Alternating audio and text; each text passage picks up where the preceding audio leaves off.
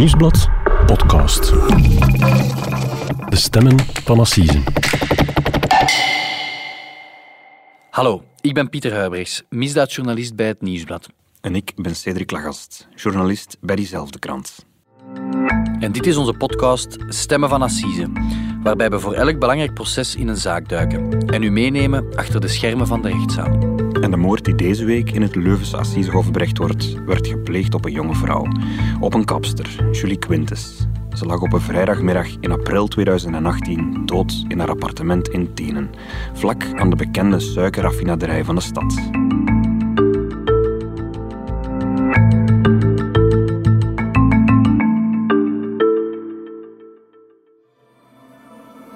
Op vrijdag 27 april 2018 is het de vader die het lichaam van zijn dochter hier aantreft in de woning van de vrouw van 24 in de Baudouinstraat in Tiene.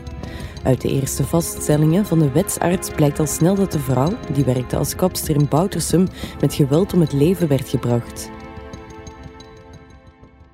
Dit was een fragment van ROB-TV over uh, de moord die op 27 april 2018 gepleegd werd. Julie Quintes bleek gewurgd te zijn. En er was op het eerste zicht geen enkel spoor naar de dader. Een week lang zou haar dood een mysterie blijven en de stad dienen in de ban houden. Pieter, jij hebt als journalist die zaak van bij het begin gevolgd. Wie was Julie Quintes? Julie Quintes was eigenlijk een, een, een heel braaf, modaal meisje, uh, opgegroeid in Boutersem, uh, 25 jaar. Iemand die had gestudeerd voor uh, kleuterleidster eerst en mm -hmm. dan eigenlijk haar, haar, jeugddroom waargemaakt, kapster geworden in hoofdberoep en dat gecombineerd met de schoonheidsspecialisten in bijberoep. Zat in haar appartementje een, een kleine studio waar ze ook uh, soms mensen ja, haar knipte. Ik denk dat dat eigenlijk haar, haar, haar, haar einddoel was. Hè. Eigenlijk helemaal zelfstandig in haar eigen studio mensen ontvangen om hun haar te knippen, om hun nagels te doen en dergelijke. Um, ja, ze was heel gelukkig eigenlijk op dat moment in haar leven. Had net een nieuwe vriend, uh, een agent, uh, op wie ze dol verliefd was. Uh, haar vriend spreekt later in verhoren van ja, een, een sprookjesrelatie. Weet je iets over haar karakter? Was het een, een iemand die veel uitging? Nee, nee, nee. Het was helemaal geen, geen uitgangstype. Het was eigenlijk een heel rustige, rustige vrouw van in de twintig, ja, heel actief op sociale media. Ze hield van, van shoppen, uh, met haar vriendinnen uh, op café gaan. Uh, ze ging graag op vakantie. Het was eigenlijk vooral een, een, een familiemens pur sang. Ja. Je hebt ook met haar vader gesproken in de tijd, dacht ik. Ja, ja, ja dat was een, ja, een, een heel triest gesprek eigenlijk. Dat was in de dagen na haar... Allee, ze was dus dood teruggevonden. Ik ben dan denk ik een, een dag of vier, vijf nadien naar, naar daar gegaan. Ik heb met haar vader gesproken. Een hele, hele vriendelijke mens. Was heel gebroken. En, en ja, kon eigenlijk niet veel zeggen, want op dat ogenblik niemand wist in godsnaam wie haar, wie haar dood wou. En... Wat ik wel relevant vind, is dat, dat toen de familie ook altijd gezegd heeft dat, dat Julie Quintus dat zij geen vreemden zou binnenlaten in haar appartement. Dus ze was die dag alleen thuis. Mm -hmm. en, en ze is thuis gevonden. Er waren geen sporen van inbraak. Maar zij zou niet zomaar iemand binnenlaten. Dus de moordenaar, dat moest iemand zijn die zij kende. Ja, dat heeft die vader ook tegen mij gezegd, van ze moet die moordenaar gekend hebben. Maar hij zei er ook bij van, god, dat die, ja, mijn dochter is, is zo'n brave jonge vrouw, die heeft geen vijanden, die heeft alleen maar vrienden, die staat positief in het leven, die is nog nooit in aanraking gekomen met politie, buiten een relatie met een agent, maar dat, dat, dat is het dan ook. Um, die wist echt totaal niet van wie in godsnaam zou mijn dochter iets aandoen.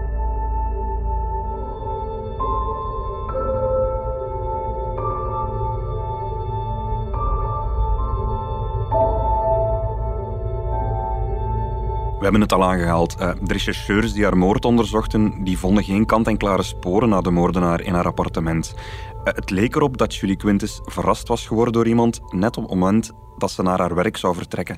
Ze had nog een plastic zak in haar handen met daarin twee van die typische mannekijnhoofden zo. Twee van die poppen met nephaar die kappers gebruiken om, om, om kapsels te oefenen.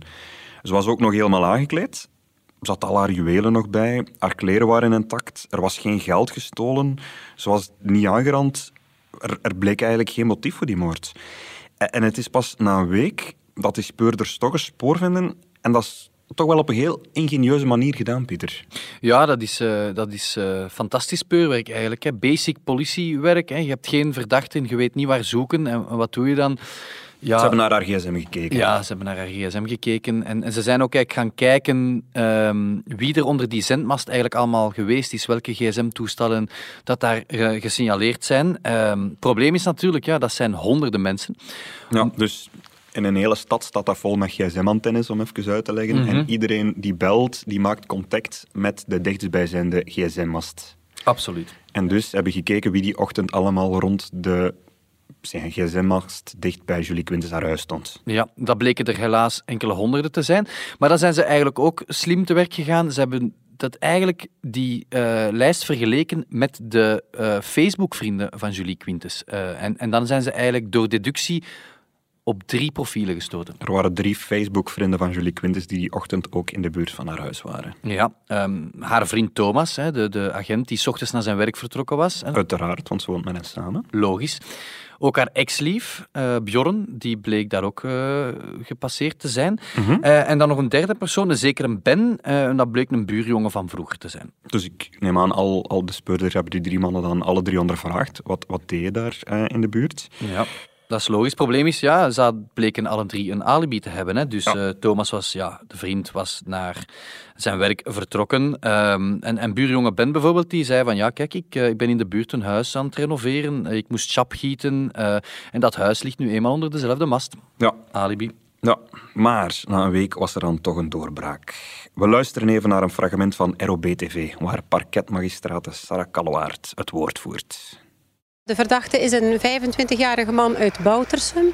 Ehm, hij bekend de feiten hebben gepleegd naar eigen zeggen in een impuls.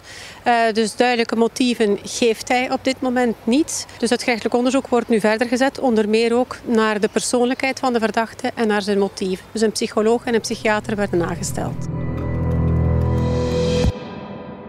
Dus Pieter, ze hebben dan toch een dader ehm, gevonden. Een van de drie, wie was het? Wel, het was eh, niet de ex-vriend, niet de huidige vriend, maar dus de, de buurjongen eh, Ben Vertois. Ehm, en dan, ja, dat komt eigenlijk omdat ze zijn, verder zijn, zijn, zijn verkeer gaan analyseren. Hè, van waar is die man 's ochtends geweest, hè, waar heeft hij gebeld. En hij is helemaal niet eh, aan zijn huis dat hij aan het renoveren was Op zijn gepasseerd. bouwwerf. Nee. Hij is daar eigenlijk nooit geweest. Ehm, maar hij bleek wel in de buurt van Julie Quintus eh, haar appartement eh, te zijn geweest. Dus zeiden ze, ja, die man moet liegen. Eh, we gaan hem terug binnenhalen, we gaan hem verhoren. En dan gebeurt er iets heel merkwaardigs. Ze hebben de duimschroeven aangehaald, neem ik. En is Ja, ja. deftig verhoord. Op de rooster gelegd, maar hij bekent eigenlijk meteen. Hij zegt eigenlijk bijna meteen, ja, ik heb het gedaan. Ik heb Julie Quintus vermoord.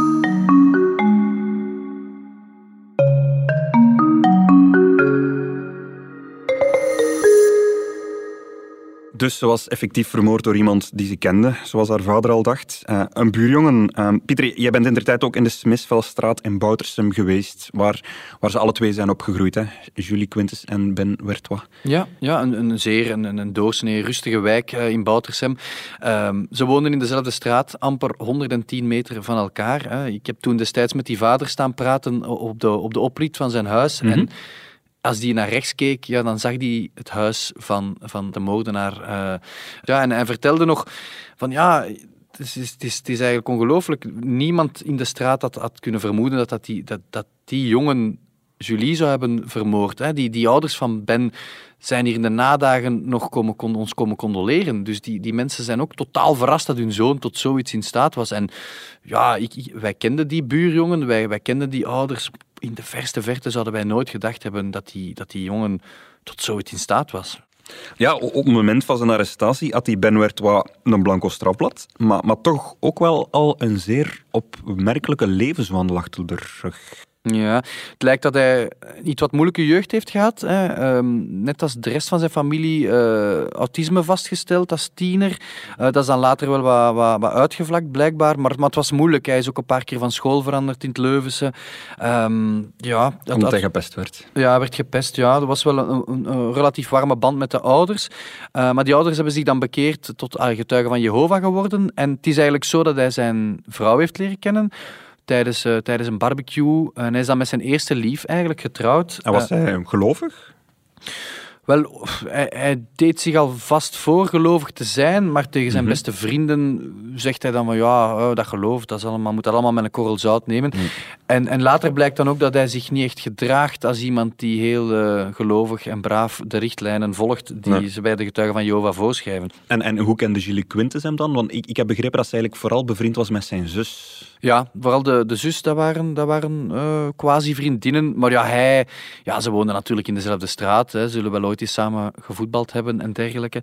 Uh, maar zij kwam, um, zij knipte zijn haar. Ah, ja. ja. Ja, ja, En dat is wel opvallend, want de, de vriend van Julie, uh, Thomas, die zegt dat in zijn eerste getuigenverhoor van ja, um, ja, er kwamen eigenlijk, ze liet eigenlijk zelden vreemden binnen, eigenlijk nooit. en thuis kwamen er altijd ze knipten het haar van vrouwen of die kwamen naar haar schoonheidssalon. Maar er was wel ene man, de zeker een Ben, de buurjongen. De buurjongen, ja, Dat verklaart ook waarom hij in het appartement binnenkom. Ja, absoluut. En dan is er dat verborgen leven dat je al even aanhaalde, want is, dat, is gelovig, een brave jongen. Iedereen ziet een, een, een, een, een, ideale schoonzoon in hem misschien, maar, dat was niet helemaal, hoe je zegt, achter de schermen gedrucht. Ja, daar gaat een, groot stuk van het proces ook over gaan, denk ik. Over dat verborgen leven blijkt helemaal niet zo'n trouwe gast uh, geweest te zijn. Hij moet ontrouw opbiechten aan zijn, aan zijn vrouw. En hij geeft in latere verhoren toe dat hij eigenlijk ja, met een dubbele verslaving kampt. Hè. Uh, pornoverslaving en een seksverslaving. En ja, het onderzoek leert ook dat er heel veel tijd... Zijn vrije tijd gaat eigenlijk helemaal op in, in, ja, naar porno surfen. Ja, en hij bezocht ook prostituees, dacht ik. Uh, ja, er is sprake van uh, contacten met acht verschillende prostituees in de, in de maanden voor Julia dood. Uh, dat zal allemaal aan bod komen, denk ik. Hè? Maar ja, dat is niet zo fraai allemaal, vrees ik.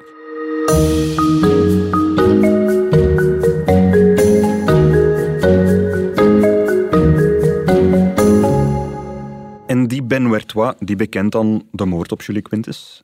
Je zou denken dat daarmee het moordonderzoek is afgerond, maar dat is niet zo, want hij geeft dan wel toe dat hij haar vermoord heeft, maar hij kan niet vertellen waarom hij haar heeft gedood. Eerst zegt hij nog dat hij in een impuls heeft gehandeld. Ja, ja, dat is heel gek. Ja, over die omstandigheden vertelde hij het volgende. Dus hij is, hij is bij haar gaan bellen. Uh, ja, en hij is eigenlijk, het is eigenlijk quasi meteen ontaard. En hij, op een gegeven moment heeft hij een soort impuls en hij grijpt daar langs achter in, en hij houdt haar in een wurggreep. Ze belanden op de grond, zij ligt op hem en, en ja, hij wurgt haar eigenlijk, hè, anderhalve minuut. Maar dat verhaal van die opwelling, dat laat hij dan later weer vallen. Mhm. Dan heeft hij het vooral over zijn pornoverslaving. Hij, hij vertelt dat hij vooral heel veel extreme porno bekijkt. En zelfs die ochtend dat hij bij Julie Quintus op, op bezoek was, zou hij op haar toilet een video hebben bekeken waarbij dat een vrouw verdoofd en onder bedreiging van een mes verkracht en gewurgd werd. Ja, dat is, dat is een, heel, eh, een, heel, een heel schimmig verhaal inderdaad, hij is daar op toilet beland. Eh,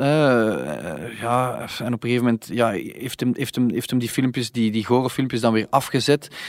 Uh, en dan is er ja, dan is hij ineens heel kwaad geworden. Dus er was een soort lust wel, maar dat is dan in woede overgegaan.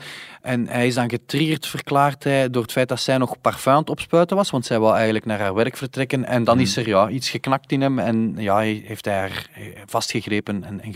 Ik kan eigenlijk nog altijd niet goed uitleggen waarom hij haar gedood heeft. Maar dat verhaal van die pornoverslaving en die invloed, de invloed van het porno kijken op zijn leven, dat zal wel een belangrijk onderdeel van het proces worden. En daarom hebben we gebeld met professor Laura van den Bos. Zij is dokter in sociale wetenschappen aan de KU Leuven. En ze heeft heel veel onderzoek gedaan naar het pornogebruik, vooral bij jongeren. En um, zij legt eigenlijk uit dat er een effect is bij mensen die veel porno kijken, dat er een soort van gewenning optreedt. Het is een soort van gewenningseffect.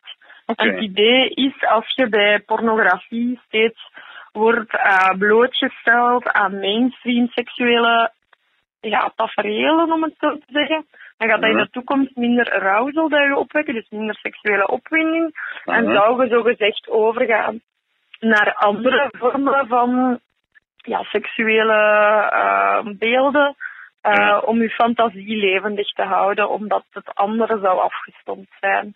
Ja. Uh, treedt dat desensitiseringseffect op. Zou het ook kunnen dat bij de ene persoon wel optreedt en bij de andere persoon niet? Ja, Ah, wel exact eigenlijk. Risicogroepen om echt dat deviante gebruik dan, om het zo te zeggen, de afwijkende, dus de agressieve porno, de mhm. niet-legale porno, om die te consumeren, ja, moet je wel een soort van ja, bepaalde persoonlijkheid hebben die ja, die zich wel typeert binnen agressieve kenmerken of zo. Hypermannelijkheid noemen we dat ook.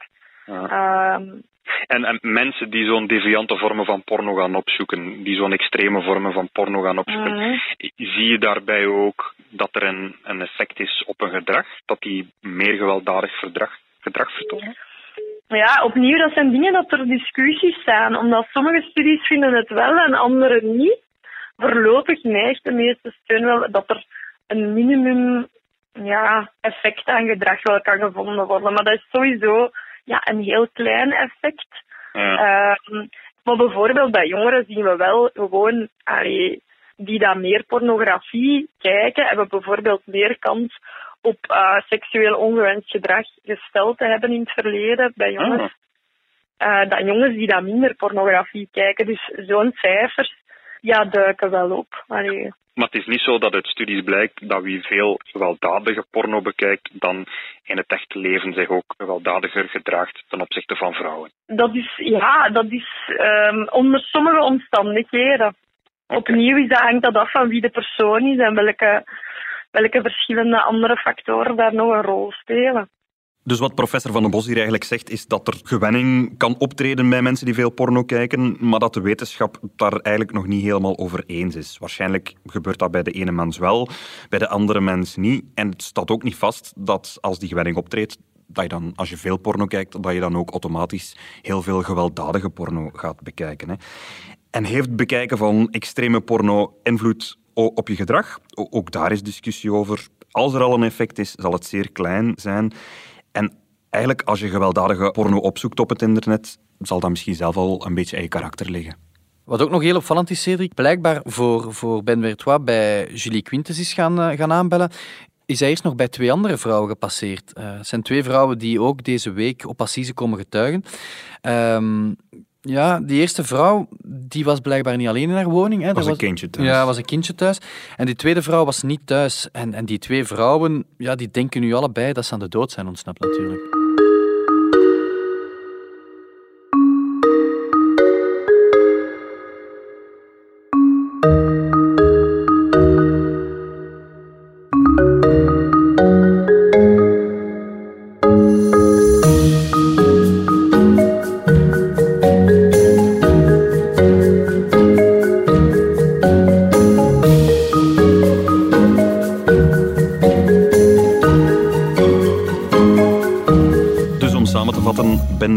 Bekende moord, maar hij kan niet uitleggen waarom hij Julie Quintus op een ochtend in april opgezocht en gewurgd heeft.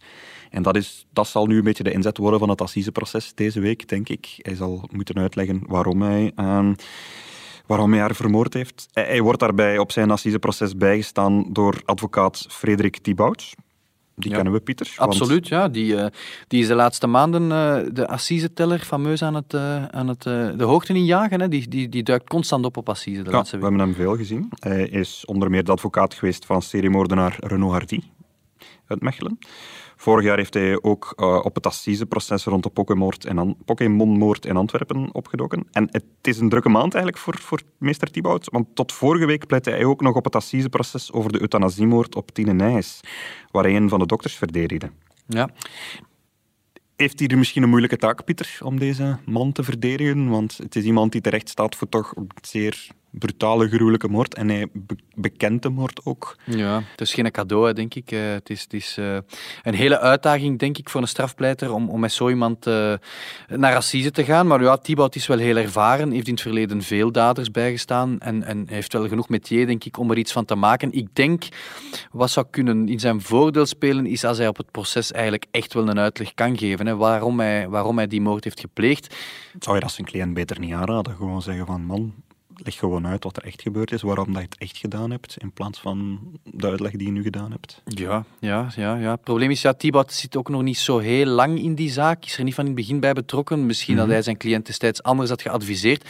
Misschien dat zijn cliënt ook oprecht niet weet waarom hij die moord heeft gepleegd. Dat kan ook natuurlijk, maar daar heb je natuurlijk een, een, een assiseproces voor en psychiaters, psychologen die langskomen en die dat er gaan proberen uit te sleuren. En ook de advocaten van de, van de tegenpartij zijn natuurlijk, uh, staan natuurlijk klaar om hem uh, aan de tand te voeren. Ja. De familie van Julie Quintus die hebben Bart Verbelen meegebracht als advocaat. Wie is dat, Pieter? Ja, misschien niet zo heel bekend bij het grote publiek, maar, maar eigenlijk wel ja, uh, um, iemand die heel veel pleit, die redelijk wat assisezaken heeft gedaan al. En die eigenlijk vooral bekend is voorbij jaar van het grote voetbaldossier. Weet je nog? Het grote ah, voetbalschandaal, Operatie Zero. Daar is hij de advocaat samen met Chris Luiks van uh, Dejan Velkovic. De ah, befaamde spijtoptand die eigenlijk heel de voetbalwereld uh, uh, aan het meesleuren is in zijn val. Ja, en, en, we zeiden het al in onze eerste aflevering. Geen assisenproces zonder meester Jeff Vermassen. Chef Vermassen is er deze keer ook opnieuw bij. Ja, die, die blijft gaan. Dat is ongelooflijk. Kijk, de strafpleiter uit Leden. Uh, is de advocaat van de vriend van Julie Quintus, ja, ik. Ja, ja, ja, en zijn kerntaak zal ook zijn, denk ik, van uh, leg mij nu in godsnaam eens uit waarom dat je eigenlijk de, de, de aanstaande of de partner van mijn, uh, van mijn cliënt hebt, hebt gedood. Hè. Uh, ja, ja, Die gaat antwoorden eisen en chef ja. Massa kennende gaat hij dat er wel uit sleuren. Hè. Ja. Een opvallende naam ook op de stoel van het Openbare Ministerie. De aanklaagster die Ben Wertwa veroordeeld wil zien voor moord is de Leuvense parketmagistraat Stefanie van Tienen. Het wordt haar eerste assiseproces. Uh, ze is een goede zeven jaar uh, magistraat bij het Leuvense parket. En misschien kennen sommige mensen haar een klein beetje omdat ze ook uh, parketwoordvoerster is geweest. Dus in een aantal zaken is ze op televisie uh, het standpunt van het parket moeten komen, uh, komen toelichten. Maar dus vuurde op voor haar op assise? Ja, een beetje de rising star, denk ik, van het Leuvense parket. Want je mag niet zomaar assisen processen uh, voor het parket. Ik dacht eigenlijk dat er um, een andere rising star was de voorbije jaren. wel, tot vorig jaar. Eigenlijk vorig jaar waren de meeste assiseprocessen gedaan door Christophe Everaerts. Ik heb die vorig jaar ook één keer aan het werk gezien in een assiseproces. Ik vond hem nogal streng. Hij, hij, pleitte nogal hard, jong. Um, zijn opvallendste zaak uh, heb jij gevolgd, Pieter. Dat was uh, het assiseproces tegen de Leuvense neurochirurgen. Hij had daar 26 jaar uh, voor die chirurgen gevorderd voor de moord op haar dochters. En wat is er gebeurd, Pieter? Dat is niet goed geëindigd voor hem, want ze is uiteindelijk wel schuldig verklaard, maar ze heeft vijf jaar met uitstel gekregen. dus ondanks de, de, de eerdere, eerste euforie bij de, bij de nabestaanden toen van het overleden meisje van ah, kijk, uh, ze is schuldig verklaard, is ze eigenlijk de dag na, de, na het arrest uh, heeft ze de gevangenis mogen verlaten. En ja. dat was eigenlijk wel een blamage voor, uh, voor Christophe Everaerts, ja. ik. En Christophe Everaerts is nu rechter. Hij is in oktober 2019 um, door de Hoge Raad van Justitie benoemd als rechter. Ook opmerkelijk, Pieter, de jury is ondertussen samengesteld. Zes mannen, zes vrouwen. En een van die juryleden um, is Jerome, de cartoonist en ook uh, lid van de jury van de slimste mens ter wereld. Het is volgens mij de allereerste keer dat er uh, een bekende Vlaming in, in een assisejury zit. We hebben een aantal keren gehad dat er, dat er iemand, een bekende persoon, um, werd opgeroepen. Geert Hoste heeft dat eens meegemaakt. Luc de Vos, de zanger van Gorky, um, componist Dirk Brosset, die zijn allemaal ooit eens opgeroepen als, uh, om in een jury te zetelen, maar niemand van hen is ooit weerhouden. Niemand van hen is ooit ge geselecteerd. Bij Jerome is dat wel gebeurd. Hij zal samen met elf andere mensen mee moeten oordelen over, uh, over het lot van Ben Wertwa. En de voorzitter is, uh, zoals al vele jaren in Leuven, rechter Peter Hartog. Ervaren rot.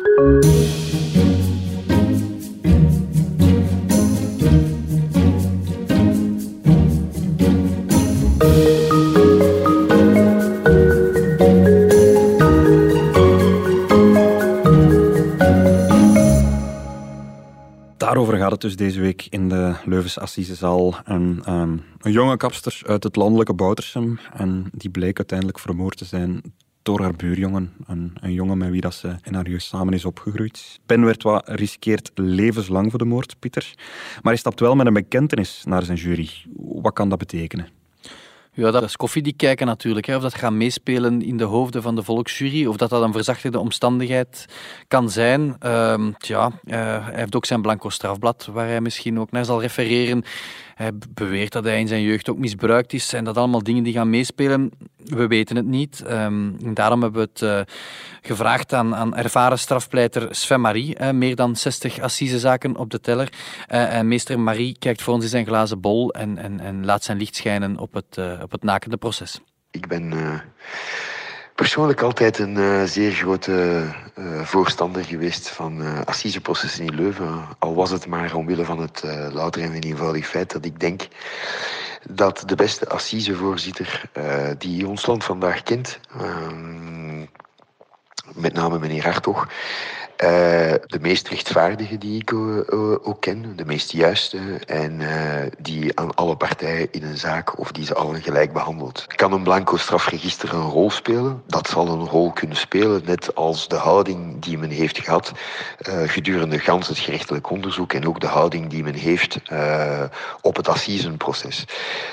heeft men daadwerkelijke spijt? Is men eerlijk geweest als de dader of de beschuldigde eerder een een uitleg verschaft uh, over iets en de wijze waarop hij iets heeft gedaan. En dit kan bevestigd worden, bijvoorbeeld uh, door een wetsgeneesheer of door een toxicologisch verslag. Uh, dan is de waarheid spreken dikwijls op het Hof van Assise een eerste stap uh, naar uh, verantwoordelijkheid nemen en ook uh, schuld en spijt betuigen. Tot daar het wijze oordeel van onze ervaren strafpleiter Sven-Marie Cedric. Mm -hmm. Opvallend, hij is deze week zelf op Assise aan het pleiten in Waals-Brabant, waar hij optreedt in de befaamde Decathlonmoord. Mm -hmm. Herinner u nog in Anderlecht, waar ja. een, een, jong meisje een hele rare avond van het dak van de Decathlon in Anderlecht wordt gegooid door haar vriend.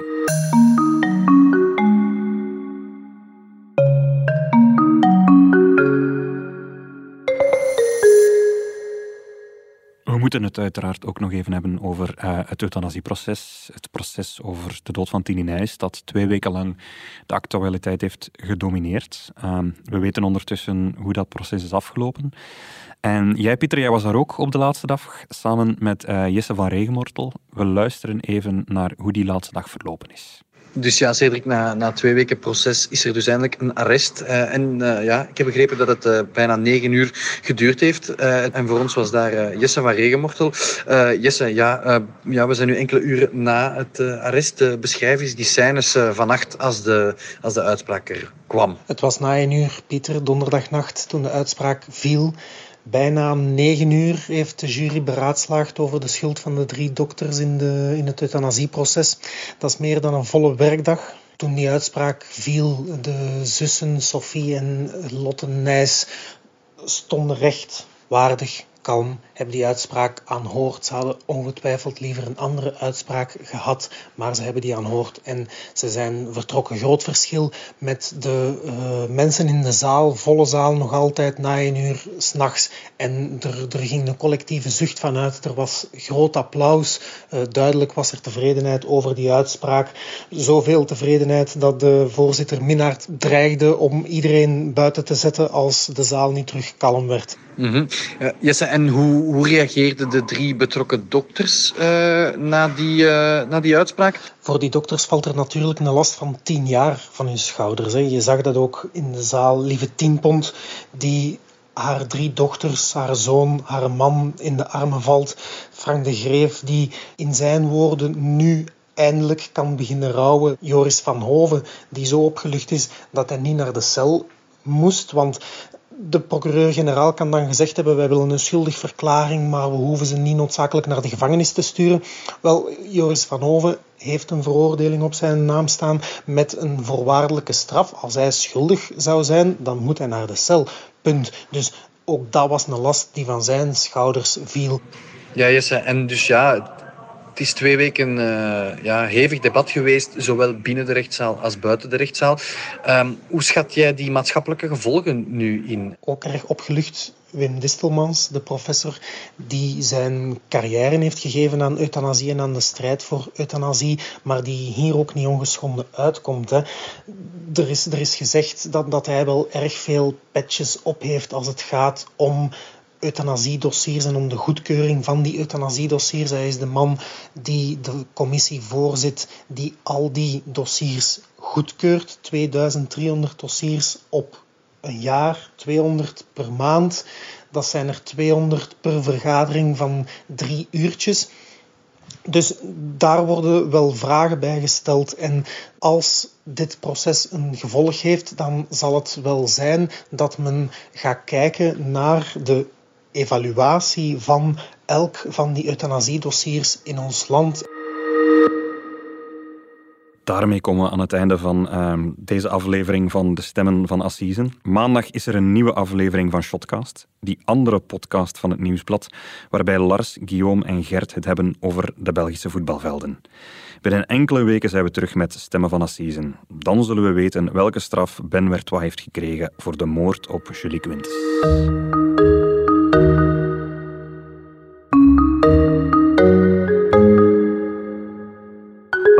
Was De Stemmen van Assisen, een podcast van het Nieuwsblad. De presentatoren waren Pieter Huibrechts en ikzelf, Cedric Lagast.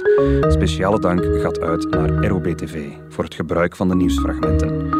Ook onze dank aan professor Laura van den Bos en naar de man die voor ons een arrest velde, meester Sven Marie. De audioproductie was in handen van Xavier de Klerk van House of Media. De productie werd in goede banen geleid door Eva Michon en Bert Heijvaart.